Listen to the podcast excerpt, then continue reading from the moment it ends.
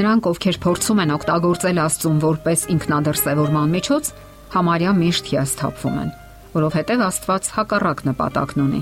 մեզ դարձնել իր շնորհի անոթները եւ դրսևորել իրեն մեր միջոցով։ Այս խոսքերը պատկանում են Ֆիլիպ Յանսիին։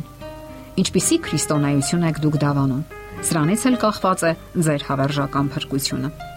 Ինչպիսի արժեքներ եմ դավանում ես։ Արդյոք քրիստոնեությունը ինձ համար կենսաձև է, թե ձևական մի բան, որի մասին ես ժամանակ առ ժամանակ հիշում եմ եւ հայտարարում այդ մասին։ Պողոս Արաքյալը գրում է. որովհետև ինչ մասնակցություն ունի արդարությունը անօրենության հետ եւ ինչ հաղորդություն ունի լույսը խավարի հետ։ Այս խոսքերը լուրջ մտորումների տեղիք են տալիս։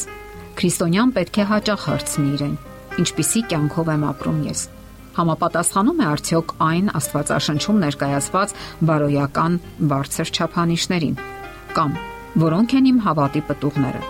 Թողել եմ արդյոք մեղավոր սխալ ճանապարհները եւ վերջապես Որն է իմ կյանքի նպատակը։ Անկարևոր չէ այս կյանքում տեղ ու դեր որոշելը։ Շատ մեղքեր ծնվում են այն պատճառով, որ մարդը չի որոշել իր կյանքի նպատակը եւ չի հարցրել իրեն, թե վերջապես ինչու է ապրում այս աշխարհում։ Չէ որ Աստծո համար անկարևոր չէ, թե ինչով ենք զբաղված մենք ամբողջ օրը, իսկ միգուցե նա ասելիք եւ անելիք ունի, որ ցանկանում է կատարել հենց մեր միջոցով։ Քրիստոնյաները հաճախ Աստծո ձեռքերն են, որոնց օգնությամբ նա կատարում է այս կամ այն գործը։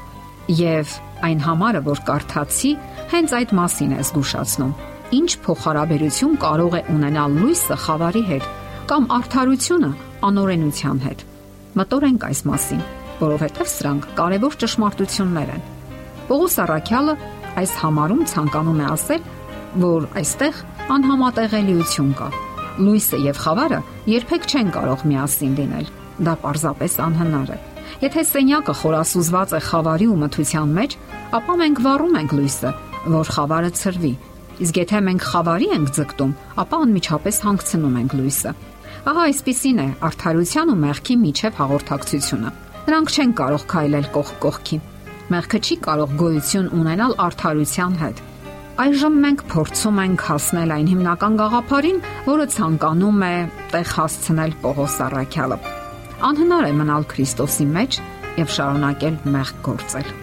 Շատերը չեն պատկերացնում այս ճշմարտությունը եւ անընդհատ պարտություն են կրում մեղքի դեմ պայքարում։ Նրանք կամքի մեծ ուժ են գործադրում, ջանքեր թափում, սակայն տապալվում։ Նրանք իրենց ողջ ուշադրությունը կենտրոնացնում են սեփական սխալների ու մեղքերի վրա, փոխանակ կենտրոնանալու Քրիստոսի վրա։ Եվ այսպես, մեղքի դեմ պայքարելու համար անհրաժեշտ է կենտրոնանալ Հիսուսի հետ շփման վրա։ Սակայն կյանքի մեծագույն ողբերգություններից մեկն այն է, որ մեզ Աստծո խոսքի հետ ծանոթացնողները միայն սովորեցնում են, թե ինչ կարելի անել եւ ինչ չի կարելի անել։ Եվ այդ պահից հետո մեր կյանքը վերածվում է անհույս պայքարի, թե ինչպես կարելի է ճիշտ վարվել եւ վատ արարքներ չգործել։ Հնարավոր է իհարկե, որ սկզբնական շրջանում մենք որոշ ժամանակ էինք հատկացնում Աստծո հետ շփմանը, սակայն արդար կյանք վարելու ցանկությունը հանգեցնում է նրան, որ մենք սկսում ենք նվազեցնել շփումը Աստծո հետ։ Աստվածաբաններից մեկը Էլեն Ուայթը այսպես է գրում. Շատերն այն կարծիքին են, որ այդ գործի մի մասը պետք է ինքնուրույն կատարեն։ Նրանք ապավինել են Քրիստոսին այն բանում, ինչ վերաբերում է մեղքերը ներելուն։ Իսկ այժմ փորձում են սեփական ուժերով արդար կյանք վարել Սակայն նման օրինակ ջանքերը չեն կարող հաջողությամբ պսակվել։ Հիսուսն ասում է. առանց ինձ ոչինչ չեք կարող անել։ Շնորհքի մեջ աճելը, մեր ուրախությունը եւ օգտակարությունը ամեն ինչ կախված է Քրիստոսի հետ մի լինելուց, միասնությունից։ Աստված ցանկանում է վերարտադրել իր բնավորությունը իր զավակների կյանքում։ Սակայն նա ցանկանում է դա անել իր, այլ ոչ մեր մեթոդներով Աստված ցանկանում է տեսնել իր զավակներին որպես մեղքին հաղթածներ, սակայն ցանկանում է անել դա յուրովի, իր մտածած ձևով։ Նա ցանկանում է, որ մենք արդար լինենք իր մեջ, այլ ոչ թե փորձենք միայնակ պայքարել արդարության համար։ Քրիստոնյան կարող է սեփական փորձառությամբ հասկանալ, թե ինչ է նշանակում ապրել Քրիստոսի հետ մշտական միաբանության մեջ։ Այդ դեպքում է, որ նրա կյանքից անհետանում են այն բոլոր սխալ, մեղավոր եւ անօրեն արարքները, որոնց դեմ նա անօքուտ փորձում էր պայքարել եւ որոնք ժամանակ առ ժամանակ գլուխ էին բարձրացնում։ Աստվածաշնչյան ճշմարտությունը աներեր է եւ անեղծ։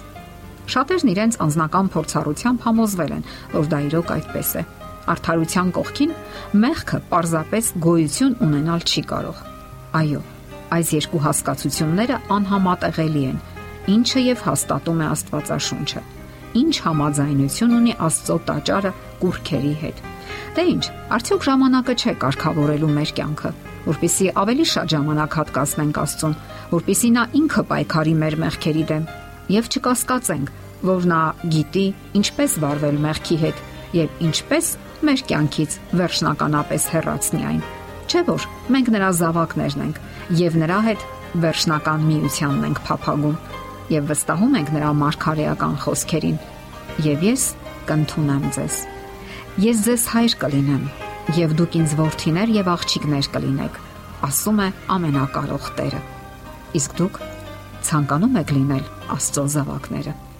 Ուրեմն մի հապաղեք, ընդունեք ձեր որոշումը։ Եթերում է ղողանջ հավերժության հաղորդաշարը։ Ձեզ հետ է Գեղեցիկ Մարտիրոսյանը։ Հարցերի եւ առաջարկությունների դեպքում զանգահարեք 099 08 20 93 հեռախոսահամարով։ Հետևեք մեզ hopmedia.am հասցեով։